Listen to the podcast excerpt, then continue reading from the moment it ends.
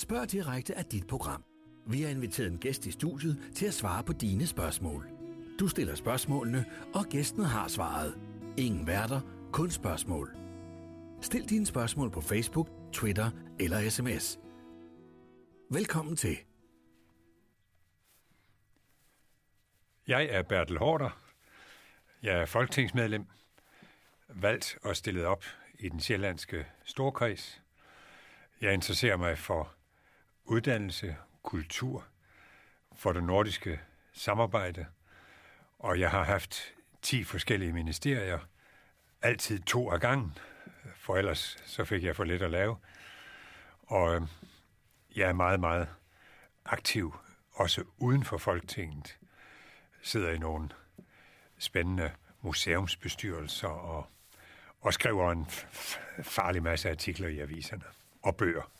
Jeg har lige afleveret manuskriptet.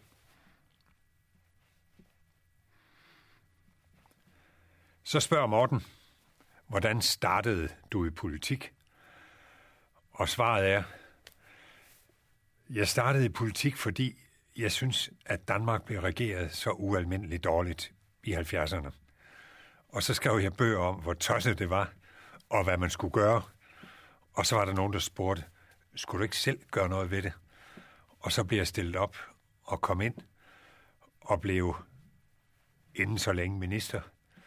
Og øh, så får man jo virkelig brug for hele sin arbejdskraft og alt, hvad man kan. Så det har været et rigt liv, og det er ikke slut endnu, fordi der er stadig rigtig mange ting, jeg gerne vil lave om på. Så tak for spørgsmålet, Morten.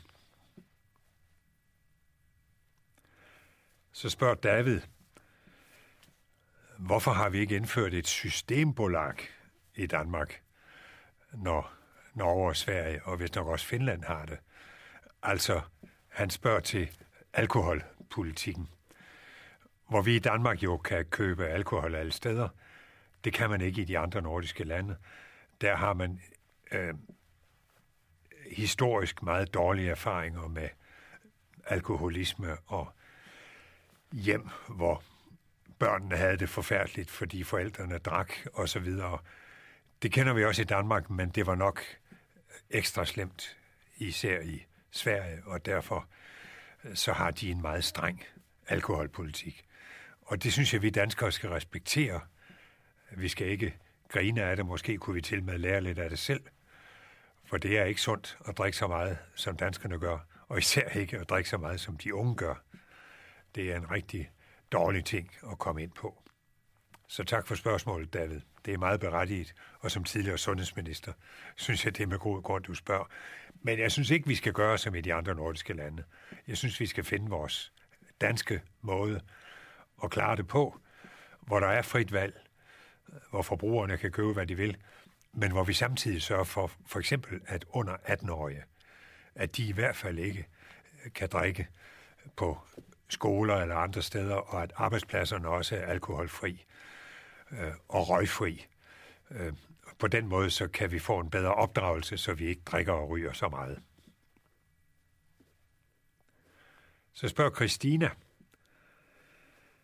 hvordan er det anderledes at være politiker i dag, sammenlignet med tidligere? Godt spørgsmål, Christina. Jeg må indrømme, at det var nemmere, da jeg startede. Der havde vi kun én tv-station, en radiostation, og de store aviser havde dygtige journalister, der havde deres gang på Christiansborg. Vi kendte dem alle sammen. Mediebilledet var meget overskueligt, og når radioavisen var slut, så var der ikke så meget mere politik på den kanal, og der var ikke andre kanaler. I dag er medierne jo på hele tiden. Og de er heller ikke så seriøse, som de var dengang, og det forstår jeg godt, fordi øh, der er vist nok ikke blevet flere journalister. De er bare blevet spredt ud på langt, langt flere kanaler. De har ikke så mange muligheder for at sætte sig ordentligt ind i tingene, og det mærker vi, når vi bliver interviewet. Og øh, så er det jo dejligt, at man her i DK4 nærmest kan klare det selv uden journalister. Det er jo også en værdi. Ikke at jeg har noget med journalister, men øh, den ægte vare er jo samtidig bedre, end at der sidder en kommentator og interviewer en anden kommentator. Så tak for spørgsmålet, Christina. Camilla spørger, i hvilket ministerium føler du, at du har givet mest til Danmark? Rigtig godt spørgsmål. Jeg tror, jeg må sige, at de 15 år, hvor jeg var undervisnings- og i en lang tid også forskningsminister, nu er det jo delt op, men det var år, hvor, hvor der virkelig var, var problemer, der skulle løses. Danmark var ved at gå for lidt, og samtidig var der flere og flere unge. Vi skulle skaffe ekstra plads. Jeg startede med, da jeg blev minister første gang, at indskrive 10 procent flere på alle uddannelsessteder. Det var en skrab kur, men det var sådan set fornuftigt nok, for det betød, at flere kunne få en uddannelse. Og jeg tror ikke, det gik ud over kvaliteten. Men hårdt var det, og det blev også kritiseret, og der var demonstrationer, og det førte til en vældig god dialog. Så havde jeg den lykke, at øh, jeg kunne øge bevillingerne til forskningen. Og det er jo noget, vi så også har gjort siden, især i min anden periode som undervisningsminister. Der fik vi virkelig flere penge til forskning, og jeg tror, begge dele, både oprustningen af uddannelserne, det at flere børn lærte at læse og skrive godt, at vi kom op i matematik og naturfag osv., jeg tror, det har medvirket til, at vi i dag har en af verdens bedste arbejdsstyrker, og at Danmark er blevet så attraktivt et land, at der er 100.000 østeuropæere, der arbejder her, og vi faktisk har mangel på arbejdskraft. Det er jo et luksusproblem at have mangel på arbejdskraft. Det synes jeg, vi skal glæde os over. Tak, Christina. Eller Camilla, var det.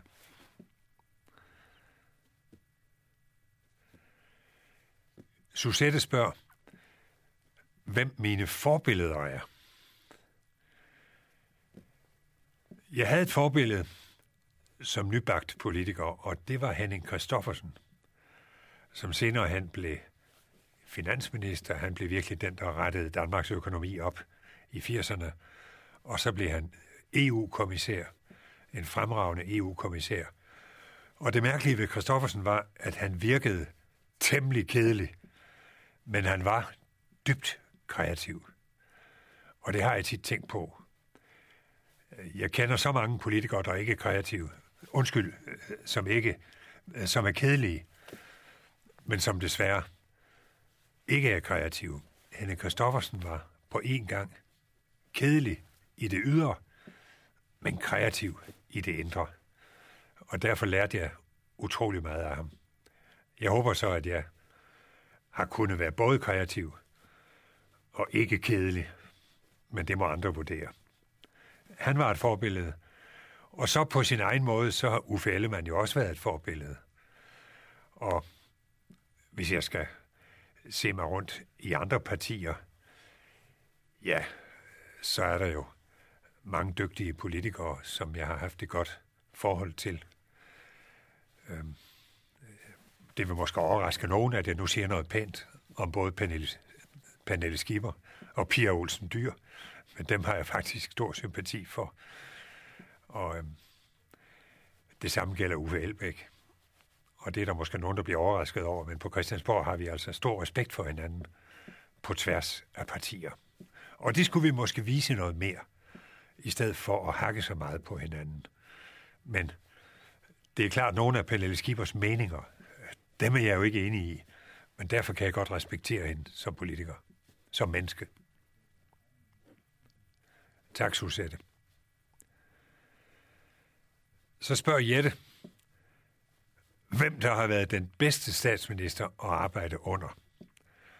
Og nu skal man jo tro, at øh, da jeg har arbejdet under både Anders Fogh og Lars Løkke Rasmussen, at jeg så vil benytte lejligheden til at nævne dem. Men jeg bliver nødt til at skuffe dem og sige, at Paul Slytter er nok den, øh, jeg, jeg havde det bedst under som minister. Af den enkle grund, at han lod ministerne få et stort spillerum. Jeg kunne selv lægge linjen. Jeg fik også lov at begå dumheder. og det skete der ikke noget ved. Jeg fik lov at komme i mindretal i Folketinget. Det var sådan set en fordel, fordi så kunne folk jo se, hvad jeg ville, hvad regeringen ville, hvis vi havde flertal, og de kunne alle sammen forstå, at det kunne vi altså ikke komme igennem med. Det synes jeg var en god model. Frem for den der kontrolmodel, som især Poul Nyrup og Anders Fogh Rasmussen stod for, hvor de skrev detaljerede drejebøger, og hvor man så ikke kunne fravige dem og improvisere og skabe et kompromis, som måske var lidt anderledes end det, man var gået til valg på. Lars Lykke er en dybt kreativ politiker, der kan holde hele situationen i sin hulehånd, men han giver ikke ministerne så meget plads, som Slytter gjorde. Det er derfor, jeg ikke sætter ham øverst. Tak for spørgsmålet, selvom det var lidt vanskeligt at svare på. Så spørger Pia, hvad jeg laver i min fritid. Hver morgen cykler jeg ud og vinterbader. I morges var det så tidligt som klokken 6. Og det er en fantastisk start på dagen. Man kan mærke sin hud resten af dagen, og så møder man så mange sjove mennesker, og ser så mange sjove tatoveringer og folk i forskellige former. Jeg holder meget af at vinterbade og cykle. Og jo ældre jeg bliver, jo mere slår det mig, at de gratis glæder, det er altså de største. Altså det at cykle ud i den danske natur i al slags vejr. Det at kunne springe i vandet alle steder i Danmark. Og når man er vinterbader, så kan man jo også gøre det på en hvilken som helst tid af året. Den dejlige natur, de skiftende årstider, og kærligheden til familien og til sin kone. Det er alt sammen gratis. De gratis glæder, øh, det er de vigtigste. Så alt kan ikke købes for penge, som der står i en gammel sang. Min fritid går også med at dyrke tomater og alt muligt andet. I øjeblikket står tomaterne meget højt i vindueskarmen, for de skal snart plantes ud, når vejret bliver rigtig varmt, og det gør det vist i den kommende weekend. Så har jeg en kamp mod dræbersnegle. Den tager jeg hvert år. Og sådan er der jo så meget, man ikke kan styre i naturen, og det er også derfor, det er så spændende at have med naturen at gøre. Så kan jeg godt lide dyr.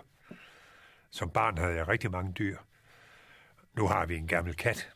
Det må jeg så lade mig nøje med. Men til gengæld så har vi altså fuglebad og, og fodrer også fuglene om vinteren. Det er sjovt at se på. Tak for spørgsmålet. Og Nils spørger, hvad jeg mener om Tommy Allers, erhvervsmanden fra Løvens Hule, som nu er blevet uddannelses- og forskningsminister et rigtig spændende valg, som Lars Lykke helt selv har taget. Han har lagt mærke til ham i det såkaldte Disruption-råd, og han har også været formand for et andet råd. Og så har han altså håndplukket ham og gjort ham til politiker. Og han har prøvet det lidt før, for han var faktisk engang for mange år siden, der var han stillet op for de konservative. Nu er han blevet venstremand, han er blevet minister, har fået Søren Pinds post. Og det bliver noget helt andet end Søren Pind.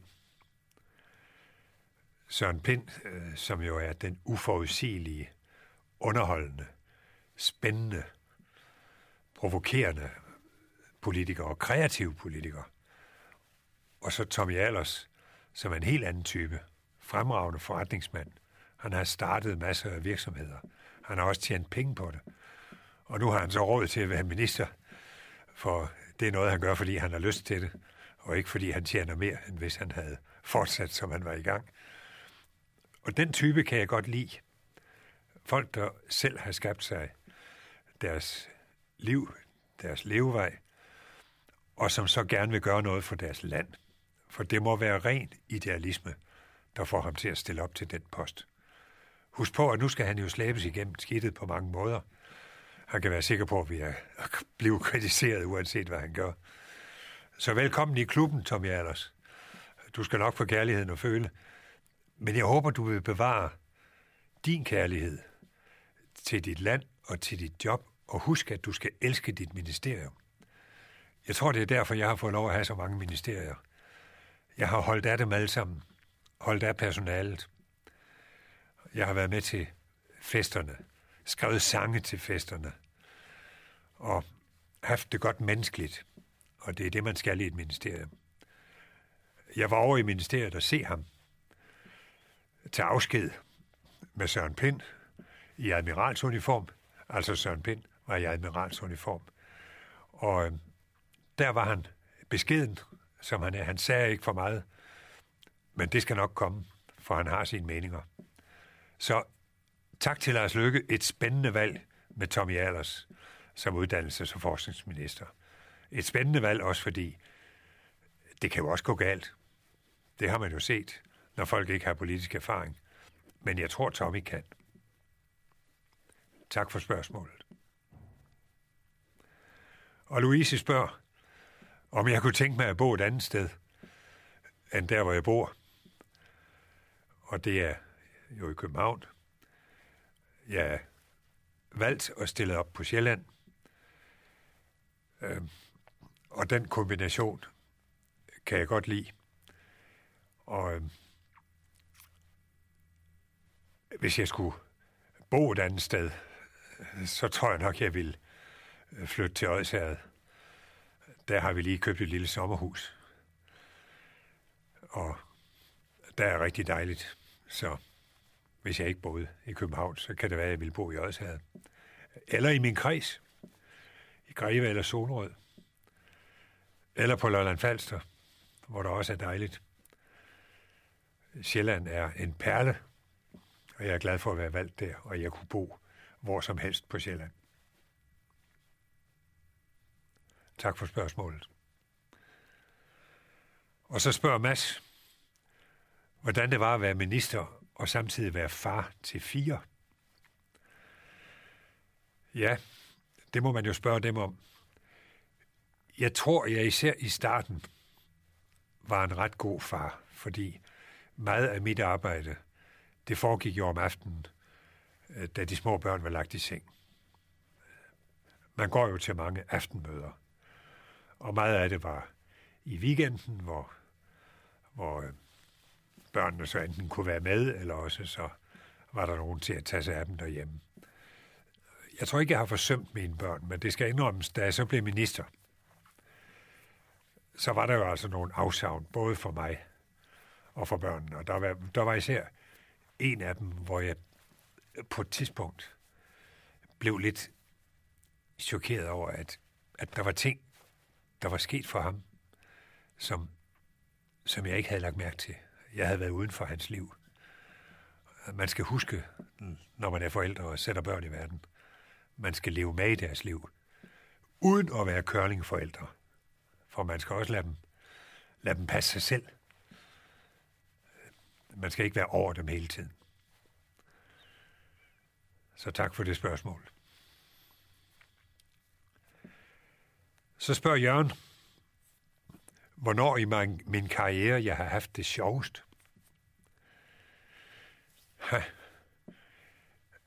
Altså på en vis måde var det jo dengang, jeg var integrations- og europaminister. Fordi det var jo en kæmpe udfordring på en gang at skulle omlægge Danmarks udlændingepolitik og gøre noget ved de alt for mange familiesammenføringer. Og så samtidig øh, forhandlet med 10 nye lande, som ville ind i EU. Jeg var jo integrations- og europaminister. Og senere blev jeg så integrations- og udviklingsminister. Og det kom jeg til at holde rigtig meget af. Men hvis jeg nu skal sige, hvad der var sjovest, så vil jeg sige, det festligste, det var at være undervisningsminister. For i undervisningsministeriet, der er der altså et vidunderligt klima, rigtig gode fester. Og jeg er et festmenneske og kan godt lide at skrive sange til festerne, det gjorde jeg for alvor som undervisningsminister. Så måske var det alligevel det sjoveste at være undervisningsminister, og der fik jeg jo to perioder øh, fra 82 til 93, og så igen fra 2005 til 2010. Og så blev jeg indrigs- og sundhedsminister, og det var altså også sjovt. Jeg elskede at være sundhedsminister. Og så blev jeg kulturminister til sidst, og det var næsten det allersjoveste. Men det var desværre kun 17, kun 17 måneder. Og, og det var jeg ked af. Men nu må vi se, hvad det næste spørgsmål er. Og det er fra Bente. Hun spørger, hvad det var, der skete, da jeg mistede min ministerpost i 2016. Det er meget enkelt. Regeringen skulle udvides med to nye partier. Venstre havde, jeg tror, 18 ministre, og vi skulle ned på 13. Og så var der altså nogen, som skulle ud. Og Liberal Alliance, som jo troede med at vælte regeringen, de ville have Kulturministeriet til Anders Samuelsens søster Mette Bok, og øh, så Udenrigsministeriet til Anders Samuelsen selv, og, og øh, så fik de også, så vidt jeg husker, fem andre ministerier, eller seks, fire andre ministerier, og, og det var Lars Lykke nødt til at sige ja til, og da jeg så lå i den ældre ende, øh, så var det måske lettest at, at sige til mig, at øh, nu havde jeg været minister i 22 år, nu måtte jeg vige pladsen for en anden. Men jeg var ked af det, og i meningsmålingerne, der stod jeg jo faktisk i perioder allerøverst. Så det var ikke, fordi det gik dårligt. Men sådan er det i politik. Man skal være glad for det, man får, og man må aldrig stå og stige på det, man har måttet forlade. For jeg har jo 10 gange måtte forlade et ministerium. Jeg har prøvet det. Og man skal være glad for det, man så får. Og det, jeg nu har fået, det er, at jeg sidder i Folketinget, valgt i den sjællandske storkreds, sidder i uddannelses- og forskningsudvalget. Jeg er ordfører for alt, hvad der har det nord- med det nordiske at gøre, og kulturudvalget. Og ja, jeg sidder faktisk også i kirkeudvalget, og hvis der er andet, jeg gerne vil, så gør jeg også det. Og så er jeg fast skriverkal, skriver altså artikler fast til både Berlingske Tiden og Jyllandsposten, og også til den sjællandske presse, og til Altinget, som er et netmedie. Så jeg får brugt alle mine evner stadigvæk, og dyrker mine interesser. Og hvad mere kan man forlange? Så jeg siger tak for det, jeg har, også det, jeg har nu. Og så vil jeg høre, hvad det næste spørgsmål er. Og det er, hvad, hvad jeg mest fortryder i mit liv. Hvad jeg mest fortryder. Øh, det skal jeg fortælle dig. Jeg fortryder, at jeg i sin tid lærte at spille violin, i stedet for at spille klaver. Fordi jeg elsker jo at synge og skrive sange, og jeg ville så gerne selv kunne spille til. Og så fortryder jeg, at jeg i sin tid øh, gik i skole i Sønderborg, i stedet for at gå i skole i Flensborg. Flensborg lå meget nærmere. Og havde jeg nu gjort det, så, så havde jeg talt flydende tysk. Og så fortrød jeg, at da jeg var i USA, at jeg sagde nej til at få sangundervisning. Jeg tror, jeg kunne være blevet en rigtig god sanger. Og se, hvis vi nu opsummerer det. Hvis jeg ikke havde begået de dumheder, så havde jeg nu kunne synge tyske arier og selv spille til. Vil det ikke have været vidunderligt? Men sådan har jeg altså misbrugt mine kreative evner. det er ikke noget, jeg græder over. Men jeg har tit tænkt på, hvor vigtigt det er, de valg, man træffer, mens man er ung. Det er altså nogle vigtige valg. Det allervigtigste valg, det er valget af forældre. Men det kan man jo samtidig ikke gøre noget ved. Og det næste spørgsmål, det er fra Jesper, som spørger, om der var for meget fokus på fremmedsprog frem for dansk i folkeskolen. Nej. For det mærkelige er, at man lærer også dansk ved at lære fremmedsprog. Øh, fremmedsprog, det udvikler jo også den sproglige bevidsthed. Og for eksempel, hvis man lærer tysk, hvad der er alt for få, der gør, så lærer man faktisk også noget om det danske sprog. Man lærer noget grammatik, og det kan man også have noget ud af, hvis man skal have sans for det danske sprog. Og engelsk, som jo ligger tæt på dansk, og fra vikingetiden, så har danskerne jo påvirket engelsk. Øh, det er altså utrolig vigtigt at, at kunne det. Og vi skal ikke vælge mellem tysk, engelsk og dansk. Vi skal have alle tre. Og hvis der så er nogen, der også vil være så venlige på et tidspunkt at vælge fransk eller spansk, altså et latinsk sprog, så ville det være dejligt. Og det er jo heldigvis sådan, at når man har lært et fremmedsprog, så er det meget nemmere at lære det næste. Og endnu lettere at lære det tredje. Og det er det samme med instrumenter. Når man har lært at spille på et instrument, så er det meget lettere, hvis man vil lære at spille på det næste instrument og det tredje. Sådan er det. Og det er fordi vores hjerne, den kan det utrolige, hvis vi opøver den. Hvis vi giver den noget at arbejde med. Og det sproglige, det kan hjernen blive helt fantastisk til. Prøv lige at tænke på, hvad hjernen kan. Tænk på skuespilleren, som kan huske en rolle øh, i et skuespil, der måske tager to timer. Tænk på dirigenten, der kan huske 20 symfonier. Hvornår det går op og ned, hvornår strygerne skal frem og blæserne osv. Den danske hjerne, undskyld, den menneskelige hjerne, kan det utrolige. Og derfor skal vi ikke skåne børnene for fremmedsprog. Det vil være sundt. Øh, lige så ærgerligt det var, at jeg ikke fik lært bedre tysk i sin tid. Jeg kan godt forstå tysk, og jeg kan også tale tysk, men ikke godt nok. Så tak for spørgsmålet. Det er meget relevant. Og så spørger Charlotte, hvorfor jeg skriver sange.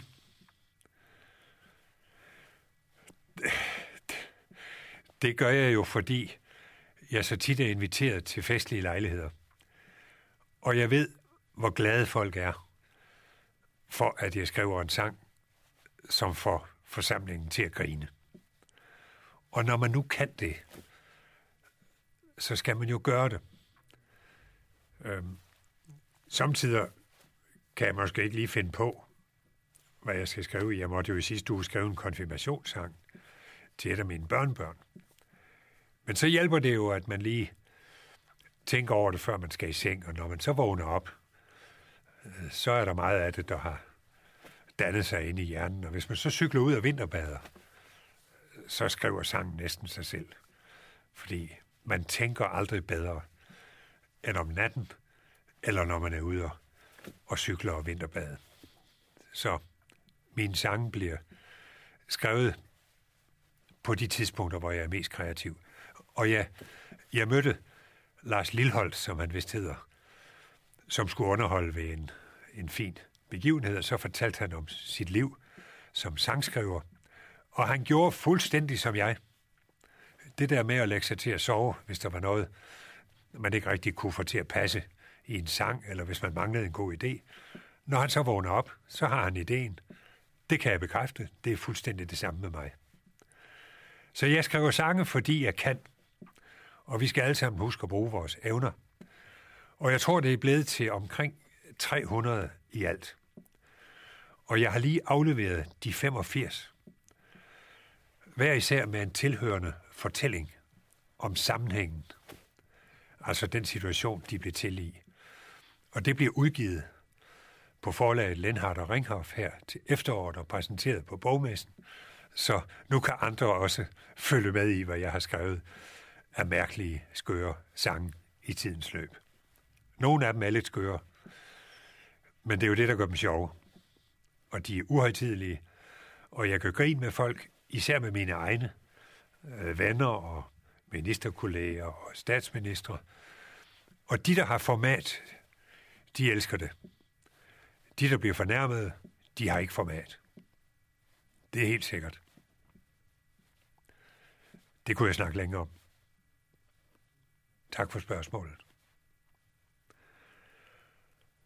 Og så spørger Lars, om jeg har overvejet at stoppe i politik. Ja, da jeg gik af som minister første gang, der fik jeg tilbudt at blive forstander på Askov Højskole. Og det ville jeg gerne. Det var det helt rigtige på det tidspunkt. Der er jo et, en tidligere minister, der også har været forstander på Askov Højskole og blevet undervisningsminister og kommet tilbage igen. Og det passede fint på mig. Men min kone ville ikke. Børnene ville heller ikke, men dem skal man ikke lytte til, for de er så konservative. Det var mere alvorligt, at min kone ikke ville. Og så måtte jeg opgive det, selvom jeg blev udsat for et kæmpe pres. Og så var der nogen, der fandt på, at jeg måske, hvis jeg ville have luft under vingerne, så kunne jeg jo komme i Europaparlamentet. Og det kom jeg så et år efter. Og det var forfærdeligt i starten. Det var der også i begyndelsen i Folketinget. Men jeg har altid været god til at beskæftige mig selv. Og jeg fandt hurtigt på nogle rigtig spændende ting at gøre. Blandt andet blev jeg næsten reporter, når det gælder Kosovo-krigen. Og blev interviewet af Danmarks Radio, mens jeg var dernede. Og gav rapport hjem til Europaparlamentet. Det var der i 97-98. Og jeg blev spidskandidat for Venstre og fik et formidabelt valg, og vi fik fem mandater, som jeg så var gruppeformand for. Så det endte i en fest, og så var det, Anders Fogh hentede mig hjem som integrations- og europaminister, fordi Danmark skulle have EU-formandskabet, og vi skulle for første gang have en integrationsminister, og for første gang en europaminister, og så fik jeg lov til at få begge poster.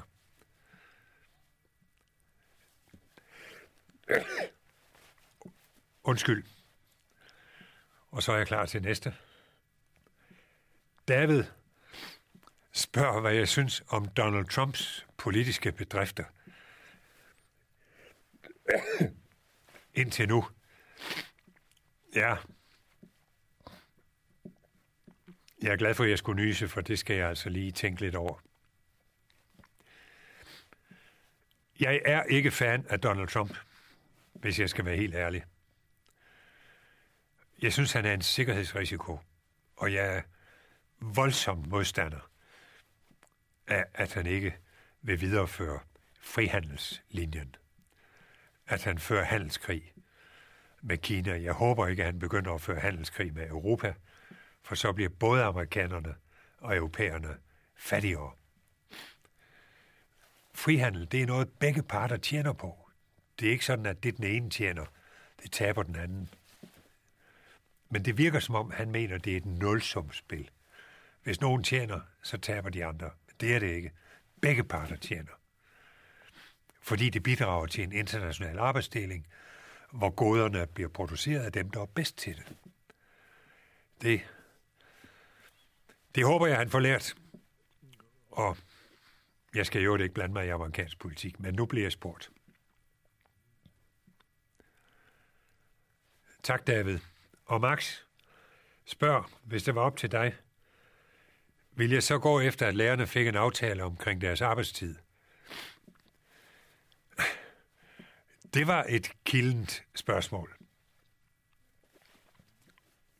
I 2013, da Folketinget stoppede en konflikt og indførte almindelig ledelse på skolerne. Ganske almindelig ledelse, hvor ledelsen leder og fordeler arbejdet. Der var jeg meget, meget tilhænger af det. Og det er jeg stadigvæk, og jeg håber, at der fortsat bliver plads til ledelse i folkeskolen, fordi kvalitet hænger sammen med ledelse. Og når Anders Bondo siger, gud skal ledelsen nej, leder og fordeler arbejde, det skal vi, så har han inderligt uret. Ledelse er ikke et nødvendigt onde, det er et personalegode. Det er også bedst at være ansat et sted, hvor der er en ledelse, som kan gøre noget. Men vi må bare se i øjnene, at den sag med lærernes arbejdstidsregler, den er så betændt, og den har skabt så meget surhed, og den har gjort så meget ulykke for lærerne og for skolen, at vi må have en ende på det. Vi kan ikke leve videre med den surhed.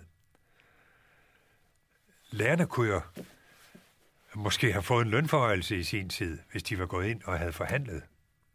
Men de var så fornærmede, at de blev siddende op i træet.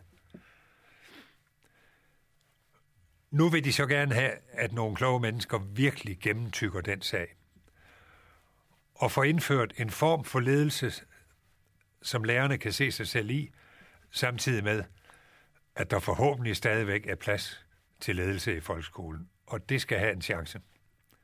Så det var et svært spørgsmål. Jeg er med på det. Jeg drøftede det så sent som i dag med formanden for kommunernes landsforening. Og han ser vist næsten på det på samme måde, nemlig at vi bliver nødt til at tage i betragtning, at det er så vigtigt for lærerne. Man er jo nødt til at lytte. Og vi får ikke en god skole uden lærerne. Så vi er nødt til at lytte til dem.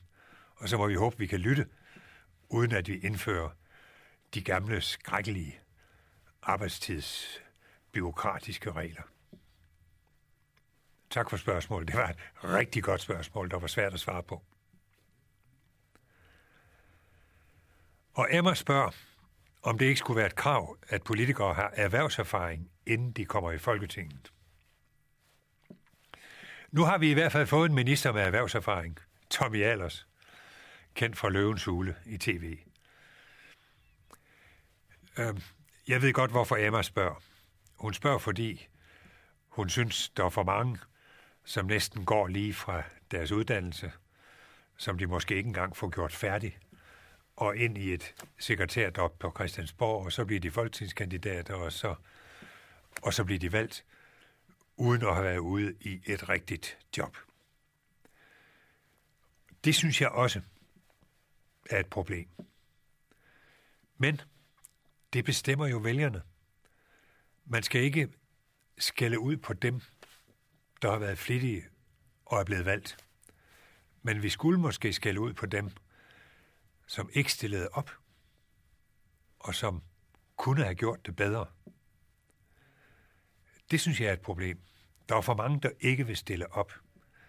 Især fordi de ikke vil slæbes igennem skidtet i medierne. Det tror jeg skræmmer rigtig mange. Og nu håber jeg ikke, at den nye uddannelses- og forskningsminister Tommy Allers, at han bliver skræmt alt for hurtigt. For det bliver en forandring. Det er anderledes at vågne op til medierne.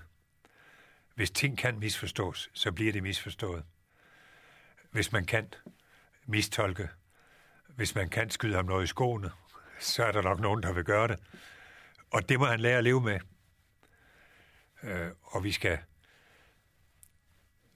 nu, nu siger jeg noget, jeg måske ikke skulle sige, men vi bliver altså nødt til at være gode ved vores folkevalgte. For ellers, ellers er der for få, der vil være folkevalgte. Og det er jo dem, der er demokratiets arbejdskraft, demokratiets tropper. Så vi er nødt til vi er nødt til at have flere til at stille op som folkevalgte. Og Yasin spørger, om jeg fortryder noget fra min tid som integrationsminister. Svaret er nej. Vi var nødt til at gribe ind over for den endeløse strøm af familiesammenføringer, som førte til, at generation efter generation af skolebørn mødte op i skolen og skulle have specialundervisning lige med det samme, og alt for mange af dem lærte aldrig at kunne tage en uddannelse. Og hver gang en ny generation igen fik familiesammenføring med nogen derhjemme, så skulle vi begynde forfra. Det kunne ikke fortsætte. Og det med, at vi fik omlagt asylpolitikken og fik afskaffet det, vi kaldte de facto flygtningebegrebet, og i stedet nøjedes med at opfylde flygtningekonventionen, det synes jeg også var fornuftigt. Og bemærk, de ting, jeg dengang fik gennemført under larm og skrig, det står alt sammen i dag. Det kan godt være, at vi får nogle nye familiesammenføringsregler, hvor man gør det på en anden måde, men det bliver ikke mindre skræmt. Og det er fordi, i den internationale verden, vi har, hvor det er så let at rejse og sige asyl ved grænsen, der er vi nødt til at passe på vores land og sikre, at de kræfter, vi vil bruge på folk, der er i nød, at de bruges der, hvor vi får mest for pengene, hvor vi kan hjælpe flest for pengene. Og det er altså i Afrika og i Mellemøsten, i nærområderne. Det er der, vi kan hjælpe måske 50 gange så mange, som hvis vi bruger pengene på dem, der ved hjælp af en menneskesmugler kan skaffe sig til Danmark, og som måske ikke har nogen som helst grund til at søge asyl, men som prøver alligevel ved at opfinde en historie, som man så skal bruge uendelige kræfter på at få travlet op. Så nej, Yasin, jeg fortryder ikke noget. Og jeg har også erfaret, at rigtig mange piger havde ikke noget imod, at det blev sværere at love dem ud til en fætter eller en bekendt fra hjemlandet. Det var der mange af pigerne, der havde det rigtig godt med. Det var mest onkel og bedstefar, der var ked af det. Men onkler og bedstefædre skal altså ikke bestemme over unge mennesker. Det handlede det også om.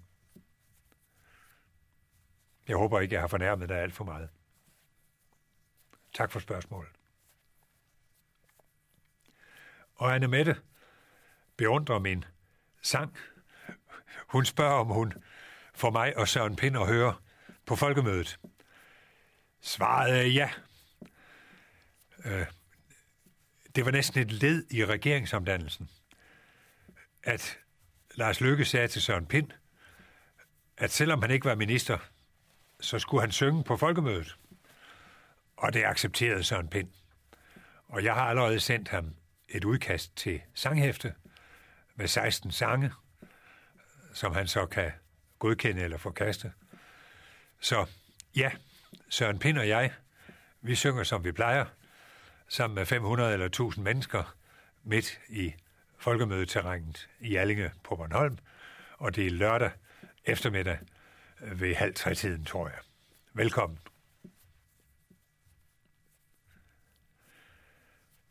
Og så spørger Jesper, hvilke tidligere folketingskolleger, der har gjort størst indtryk på mig? Hvilke tidligere kolleger? Her vil jeg nævne Erling Olsen, en socialdemokrat, som sammen med mig sad i uddannelsesudvalget, da jeg var nyvalgt. Han havde en vidunderlig humor. Han blev senere boligminister, justitsminister og folketingsformand og rektor på Roskilde Universitetscenter. Han havde en vidunderlig humor – og havde en kvik og ofte meget rammende øh, bemærkning i, i alle situationer. Da han var boligminister, der, der gik han en dag og malede sit stakit og sin garage uden for huset. Så kom der en journalist og spurgte, om ikke han skulle, skulle overlade det til nogle faglærte. Hvorfor gik han som minister og malede? Og så svarede Erling Olsen, fordi man er minister, behøver man jo ikke være idiot. Og så var han jo ligesom jeg tit ude for, at, øh, at han skulle bede om notater. Og så, så sagde han til embedsmændene, jeg vil gerne have et notat, men jeg kan ikke lide at bladre. Altså han ville helst have, at det skulle være på, på én side. Og så var der en gang, hvor han skulle svare på noget med bestikkelse og korruption – så sagde Erling Olsen, Jeg modtager gerne bestikkelse, men jeg giver ikke noget til gengæld.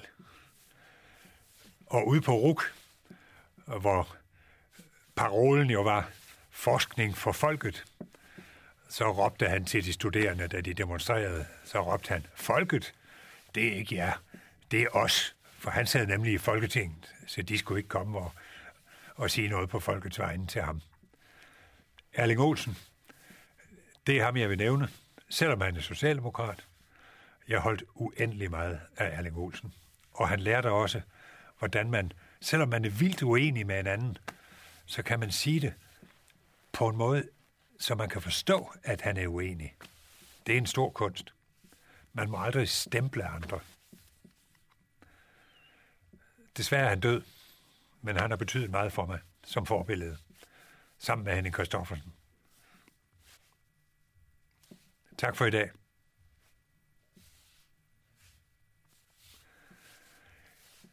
Jeg har nu fået en masse spørgsmål, og de var afsindig gode.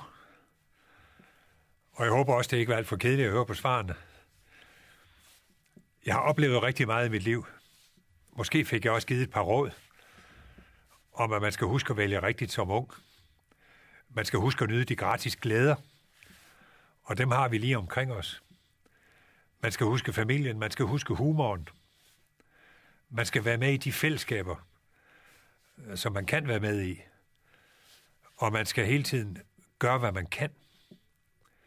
Og man skal hele tiden sørge for, at det ikke bare handler om ens selv. For det, der giver lykke, øh, det er det at gøre noget sammen med andre, for andre. Og selvom det måske lyder mærkeligt, så er det altså det, politikere ofte gør. Og det er derfor, de kan holde ud at være politikere, selvom de bliver skældt ud for mange ting. Tak for spørgsmålene. Tak for i aften. Thank you.